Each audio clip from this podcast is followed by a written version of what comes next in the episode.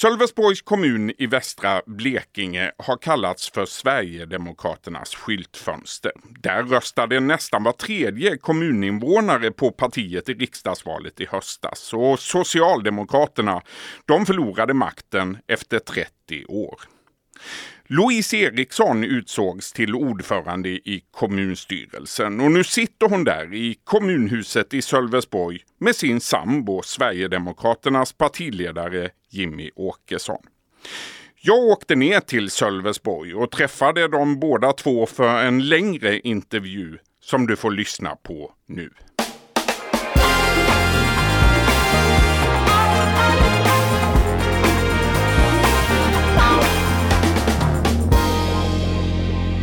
Nils Eriksson, jag börjar med dig. Det har stormat en hel del kring Sölvesborg den senaste tiden får man säga. Det har handlat om prideflaggan, det har handlat om utmanande konst, om eh, böcker på andra språk. Vad säger du om stormarna som varit de senaste veckorna? Vi har ju antagit ett program i samstyret som vi har klubbat i kommunfullmäktige som innehåller 220 punkter. Och det är 220 punkter där vi vill reformera omsorgen, eh, utbildningspolitiken, tryggheten, näringslivspolitiken, migrationen och så vidare. Det här är ju små, ofta symbolfrågor som man har snöat in sig på. Jag, jag brukar tänka att det, det kanske handlar om att man kanske inte hittar så mycket smaskigt i det här programmet som man har att kritisera och då väljer man att överdriva, eh, använda sig av halvlögner eh, för att skapa någon form av halmgubbedrev som man, som man väljer att argumentera emot. Jag tycker att det är ganska bisarra drev som har varit faktiskt. Vilken fråga blir nästa att röra upp känslorna tror du här i Sölvesborg? Det vet jag faktiskt inte för att jag, det var ganska oväntat för mig eh, de här stormarna som blev här. Eh, så det är ganska svårt att förutspå. Det beror väl också på vad som kommer upp på dagordningen. Eh, det finns de som menar att Sölvesborg nu går samma väg som Polen och Ungern. Ligger det någonting i det här, Jimmy Åkesson? Nej, det tror jag inte. Det är, det är väl inte alls i den riktningen utan det är lite som, som Louise säger, alltså de här symbolsakerna är ju, det är ju ingenting som egentligen påverkar. Alltså jag, jag är lite förvånad över att det inte har blivit mer debatt till exempel kring eh, äldreomsorgen eh, och det faktum att vi nu för första gången tror jag får in privata alternativ eh, lokalt här. Eh, det har ju den ideologisk sprängkraft som också påverkar människor på ett annat sätt. Det är ju något som, som jag hade förväntat mig att man skulle debattera mer. Men här väljer man att debattera sånt som ja, är rena halmgubbar istället. Jag tycker det är jättekonstigt. Men jämförelsen med andra länder haltar betänkligt skulle jag vilja säga. Här i Sölvesborg vill ni inte ta emot fler nyanlända. Problemet ska exporteras sägs det i debatten. Vilket är huvudskälet till att ni resonerar så, Louise Eriksson? Ja, för det första så hoppas inte jag på att vi ska exportera något problem utan jag hoppas ju att man i riksdag och regering tar ansvar för den förda migrationspolitiken och börjar i den ändan istället. Ehm, men vi har ju sagt att det är två huvudorsaker till att vi gör på det här viset när det gäller bosättningslagen Eh, som tvingar kommunerna att ta emot anvisade nyanlända. Och det ena är ju en principiell fråga. Vi har en grundlag idag. I den framgår principen om den kommunala självstyrelsen. Eh, och vi anser att den grundlagen bör stå över en sån här eh, framhastad och oseriös lagstiftning som bosättningslagen. Eftersom migrationsfrågan påverkar ju hela välfärdsuppdraget. Det påverkar vår kärnverksamhet, det påverkar i princip alla områden eftersom vi inte har kostnadstäckning och då kommer vi in på den andra motiveringen till det här. Att eh, staten betalar ut statsbidrag i bara några år och sen står kommunerna där med eh, merkostnaderna samtidigt som det hela tiden kommer nya nyanlända med nya anhöriga. Och det är inte rättvist och det är inte rimligt utan det är en statlig angelägenhet och därför så bör staten ta ansvar för det. Jimmy Åkesson, på vilket sätt har invandringen varit skadlig för Sölvesborgs kommun? Vi har ju haft i perioder mer eller mindre invandring här kan man säga. Under mina första år i kommunpolitiken så hade vi i princip nollmottagande. Eh, det ändrades sen och de senaste åren så har vi ju haft en, en, en ganska stor mottagning av eh, nyanlända och det är klart att det alla de som kommer, eh, om man ska generalisera, hamnar i princip i samma bostadsområden eh, där det finns lediga lägenheter. Och det blir finns en... det utanförskapsområden i Sölvesborg? I det lilla, ja absolut, det gör det. Sen går ju inte det att jämföra med hur det ser ut i större städer naturligtvis, men det är klart att, att de områdena finns även här. Men den politikens inriktning som vi ser idag eh, syftar ju till att motverka en fortsatt utveckling i den riktningen. Så vi vill inte ha de här gigantiska utanförskapsområdena utan tvärtom, vi måste börja bygga bort dem istället. Det finns så många kommuner som är rena skräckexempel. Louise Eriksson, för någon vecka sedan utsågs du till landets mäktigaste kulturperson av eh, eh tidskriften Fokus. Hur kändes det? Nej, det var faktiskt ni från Expressen som ringde och berättade det för mig, så jag visste faktiskt inte om det. Ehm, men jag tycker att det visar ganska tydligt på hur man länge kulturen eh, och liksom den delen av samhället varit en liten skyddad sfär för en viss grupp. Där man har fått sitta och krukelura lite som man vill. Och så känner man sig kanske lite hotad, lite ifrågasatt och då blir det väldigt starka känslor. Jag ser det som en, ett symptom på det helt enkelt och det i sig visar ju att vi kanske är på rätt väg. Jimmy Åkesson, vad tänker du om att eh, du bor och lever med Kultursveriges mäktigaste person? Ja, det är lite oväntat faktiskt måste jag säga. Men, på vilket sätt? Nej, men det, jag, jag, upplever inte att vi är särskilt kulturellt engagerade. Vi lyssnar mest på hårdrock och sånt hemma eh, faktiskt. Men, men eh, Nej, men det här är ju en del i den polarisering som vi ser kring kulturpolitiken som ju Eh, kulturpolitiken upplevs kanske inte som det mest intressanta för den vanliga väljaren men för inte minst vänsterliberalerna så är ju kulturpolitiken ett medel för att påverka samhället långsiktigt och man har haft det som sin egen lekstuga i decennier nu. Och nu kommer då in en liten kommun som vill gå i en annan riktning istället för att i kommunala riktlinjer för konstinköp skriva att vi ska köpa in samtidskonst och, och den får gärna vara provocerande och sådär. Så gör vi precis tvärtom. Det är klart att det, de upplever sig väldigt hotade och för dem är det någonting helt nytt. Du antyder nu att ni är ointresserade av kulturen. Är det därför kulturpolitiken får lida här i Sölvesborg om man ska se det på det Kulturpolitiken får absolut inte lida i Sölvesborg. Däremot får den en helt annan inriktning än vad den har haft tidigare. Där vi går mot mer folklig kultur och sånt som Istället för normupplösning och samhällsupplösning som vänsterliberalernas kulturpolitik syftar till så syftar vår kulturpolitik till att hålla samman och bygga sam sammanhållning och samhörighet i samhället. Det, det är det som är den, den liksom springande punkten, det är det som är skillnaden mellan vänster och höger eller vänsterliberalism och konservatism i, i kulturpolitiken. Och jag tror så här, om jag bara får tillägga det, om vi återkopplar till det som vi pratade om innan, om de här stormarna som har varit. Att, eh, om, om man frågar vanligt hedligt folk om man vill ha eh, vad man vill ha i det offentliga rummet. Vill du bli provocerad i det offentliga rummet eller vill du känna harmoni och glädje och gemenskap med bygden? Så tror jag att väldigt få kommer välja det förstnämnda. Jimmy Åkesson, vilka politiska budskap ser du i prideflaggan? Alltså för mig så är det ju en uppblåsbar elefant som fick symbolisera mig på Pride-scenen i partiledardebatten inför valet förra året. Eh, därför att jag var inte inbjuden och man var väldigt tydlig med att det var också medvetet så att man vill inte bjuda in mig eller Sverigedemokraterna till den typen av sammanhang. Och då, sen är inte det skälet, gissar jag, till att man har valt en ny flaggpolicy i Sölvesborgs kommun. Vi ska lämna den infekterade diskussionen om Pride-flaggan nu och prata om samarbetet, om det som ni kallar för samstyret här i Sölvesborg. För Louise Eriksson, du har ju lyckats här i Sölvesborg med det som din sambo har misslyckats med på riksplanet. Vad har han gjort för fel, Jimmy Åkesson?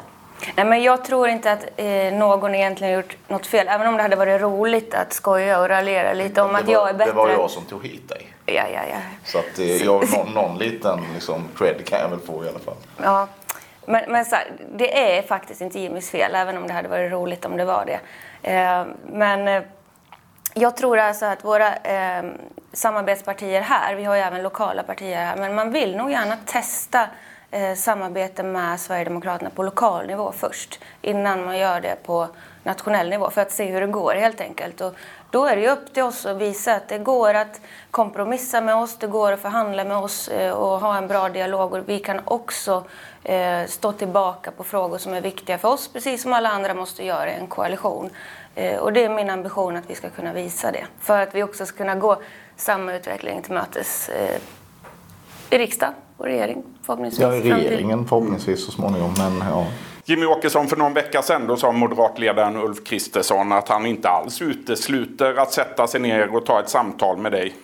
Efter det beskedet, har du eller dina medarbetare tagit någon kontakt med Moderaterna för att få till ett sånt här första samtal med moderatledaren? Nej, det har vi inte gjort. Vi har haft fullt upp med eh, inte minst budgetarbetet här nu som upptar nästan all tid under, under hela september. Eh, men, men, det är ju ett nytt besked. Vill du ha ett sånt möte? Ja, men det är väl klart att det är ju fullt rimligt att vi, om vi nu på riktigt ska utmana den här vänsterliberala majoriteten vi har i riksdagen, så måste ju jag och Ulf Kristersson sätta oss ner och prata om framförallt det som vi kan komma överens om. Ungefär som jag och Eva Busch Thor gjorde i somras, där vi pratade om fyra, tre, fyra punkter där vi har gemensamma utgångspunkter eh, och borde kunna komma överens och genom det sen sätta tryck på regeringen och samarbetspartierna.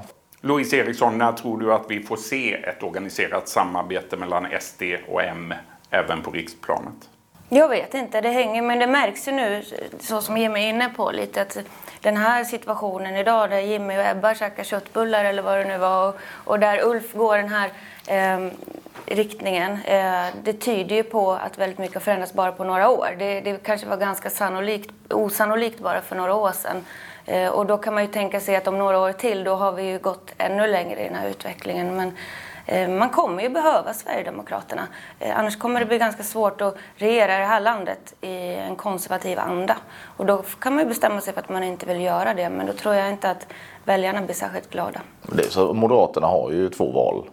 De kan ju inte klara det här på egen hand, så är det. Men vill Ulf Kristersson ha regeringsmakt eller regeringsinflytande. Då kan han ju antingen försöka återskapa den här gamla alliansen med de partier som svek till förmån för Socialdemokraterna eller så närmar man sig oss och försöker få en, ja, ett trepartisamarbete på något sätt för att skapa majoritet. Och det är ju inte jättelångt borta. I den senaste mätningen i var det SVT Novus så hade ju faktiskt den här konservativa treparti konstellationen egen majoritet. Så det kan mycket väl bli så efter nästa val och då utesluter inte jag att det också blir ett, det som blir underlag för regeringsbildning. Det är ju en parintervju det här. Ni är båda toppolitiker på högsta nivå i eh, rikspolitiken respektive på kommunal nivå. Samtidigt är ni föräldrar. Ni har en femårig son där hemma, Nils. Hur får ni livspusslet att gå ihop? Jimmy Åkesson. Får vi det? Alltså, Ja, det, alltså på något sätt så man löser ju saker. Men det är ju, det är ju inte en normal situation. Det är det inte. Och, och, men vi har ju mycket hjälp. Mina föräldrar är väldigt behjälpliga. Vi har vänner som hjälper till med ibland så är det ju kvälls... När jag är i Stockholm och Louise har kvällsmöten då, då, finns det ju inte så många alternativ. Då måste ju någon hjälpa till. Louise Eriksson, hur är Jimmy Åkesson som pappa? Ja. Jimmy tycker om hemmamys. Kanske läsa böcker. Eh, kolla på film. Kolla på film. Men du läser godnattsagor för Nils? Oh ja, absolut. Det gör jag. Ehm, på hög och låg nivå. Han, han, Nils är väldigt intresserad av facklitteratur. Så att vi läser, eh, det kan, kan vara ganska komplicerade texter ibland, men han är jätteintresserad. Facklitteratur, han är fem år gammal. Ja, ett tag var det Per Albin Hansson ja, eh, som var det största intresset. Eh. Det kanske mest var pappas intresse, eller? Nej. Faktiskt inte. Jag vet inte. Eh, ja, det, det var, alltså, du tog hem en bild på Per Albin Hansson från en loppmarknad. Ja, Och då blev han väldigt intresserad av vem det där var och fascinerad av att han, han var död då, den här farbrorn. Eh, och så, så förklarade vi att han var det och sen så ville han veta hur det hade gått till och då fick vi berätta hela historien om hur han klev av spårvagnen eh, och sådär. Och det kunde han återberätta. Det berättar han fortfarande för folk ibland. Ja, jag kunde komma hem från eh, kontoret och så sitter Nisse och kollar på Youtube-filmer när Per Albin håller tal och, och så här. Så jag tror han vet nog mer än vad jag vet i alla fall om Per Albin. Sen i somras pekar kurvorna uppåt för Sverigedemokraterna. Eh, ni har ökat flera procentenheter och har aldrig legat högre i förtroendemätningarna. Vad beror det på Jimmy Åkesson? Ja, dels att våra frågor som vi har drivit eh, under lång tid och med en viss samsa, sammansatt riktning hela vägen, att de har blivit än mer aktuella för människor. Eh, och då det är klart att förtroendet för oss ökar. Men det handlar ju också om att vi har funnits med i riksdagen under lång tid och successivt ökat vårt förtroende. Eh, och det är ju egentligen en utveckling vi har sett under hela den här tiden som ännu inte har stoppat helt enkelt. Och jag tror inte att den kommer att stoppa än. Jag har sagt att vi är i grunden så hävdar jag att vi är åtminstone 30 parti. Vi skulle kunna komma upp på de nivåerna. Eh, det handlar om att bygga just förtroende och det, den kurvan pekar ju i rätt riktning. Det finns de som menar att eh, det grova gängvåldet, skjutningar och bomber att det gynnar er. Ligger det någonting i den analysen tror du? Det gynnar ju ingen eh, såklart att människor skjuter på varandra. Och att en del menar att människors rädsla som uppstår till följd av alla de här händelserna den oron som människor känner, att det gynnar Sverigedemokraterna. Men det är klart att vissa känner ju oro, men jag tror inte att de allra flesta människor går runt och är oroliga för gängvåldet för, e- för sin egen del. Däremot så ser man ju vad den förda politiken har gjort med det svenska samhället. Och det är inte, handlar inte om oro, det handlar tror jag i väldigt hög grad om ilska. Folk är förbannade på att inte minst Socialdemokraterna och Moderaterna historiskt har förvandlat det här landet till oigenkännlighet. För det är det det handlar om. Och det är väldigt många som, som inte känner igen sig i Sverige längre. Eh, och det är klart att då vänder man sig till de som någonstans hela tiden dels har pekat på de här riskerna med den förda politiken och som fortfarande säger att ja, det, jag är inte en politiker som ägnar mig åt att säga vad var det jag sa eh, på något sätt. Eh, men däremot så handlar ju politik väldigt mycket om verklighetsbeskrivning. Vem beskriver verkligheten på det sätt som jag upplever den? Och jag hävdar att vi beskriver verkligheten på ett sätt som väldigt många människor upplever den och allt fler människor tyvärr upplever den. Och då blir vi också ett parti som växer. På riksplanet talar man mycket om att vi har ett polariserat eh, politiskt klimat idag. I Sölvesborg röstade visserligen var tredje person på Sverigedemokraterna i valet i höstas. Men sex av tio gjorde ju inte det. Hur, hur polariserat är det i Sölvesborg, Louise Eriksson? Ja, fast en majoritet av kommuninvånarna röstade ju på samstyrespartier. Vi gick ju från ett minoritetsstyre till ett stabilt majoritetsstyre. Så att vi har ju en majoritet av kommuninvånarna bakom oss i den politik som vi för och som vi eh, i stort är faktiskt överens om.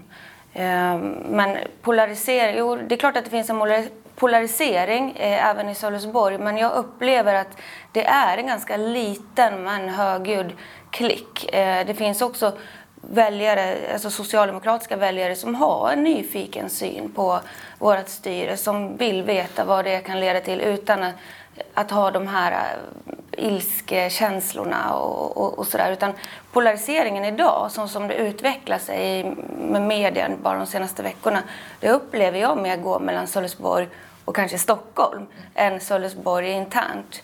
Eh, jag upplever att vi har, eh, vi har ett brett stöd i den här kommunen och det är faktiskt på riktigt. Och det, det måste jag säga, det märker man ju när, när man träffar folk på stan som det brukar heta. Vi gör faktiskt det, det gör man i en liten stad. Eh, att folk är rätt trötta på att kultureliten i Stockholm ska bestämma hur det ska se ut i Sölvesborg. Det, man tycker inte om det och det förstår jag. Det finns ingen kulturelit i Sölvesborg? Det gör det säkert, men, eh, de som driver på den här debatten det är ju primärt eh, självutnämnda experter och proffstyckare som inte bor i Sölvesborg. Eh, och jag håller faktiskt med. Jag tycker att de kan, de kan sköta sitt där de bor, så sköter vi vårt här. Säger alltså Jimmy Åkesson och Louise Eriksson. Stort tack för den här intervjun. Tack.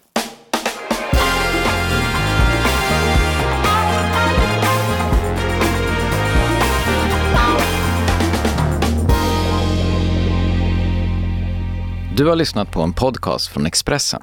Ansvarig utgivare är Klas Granström.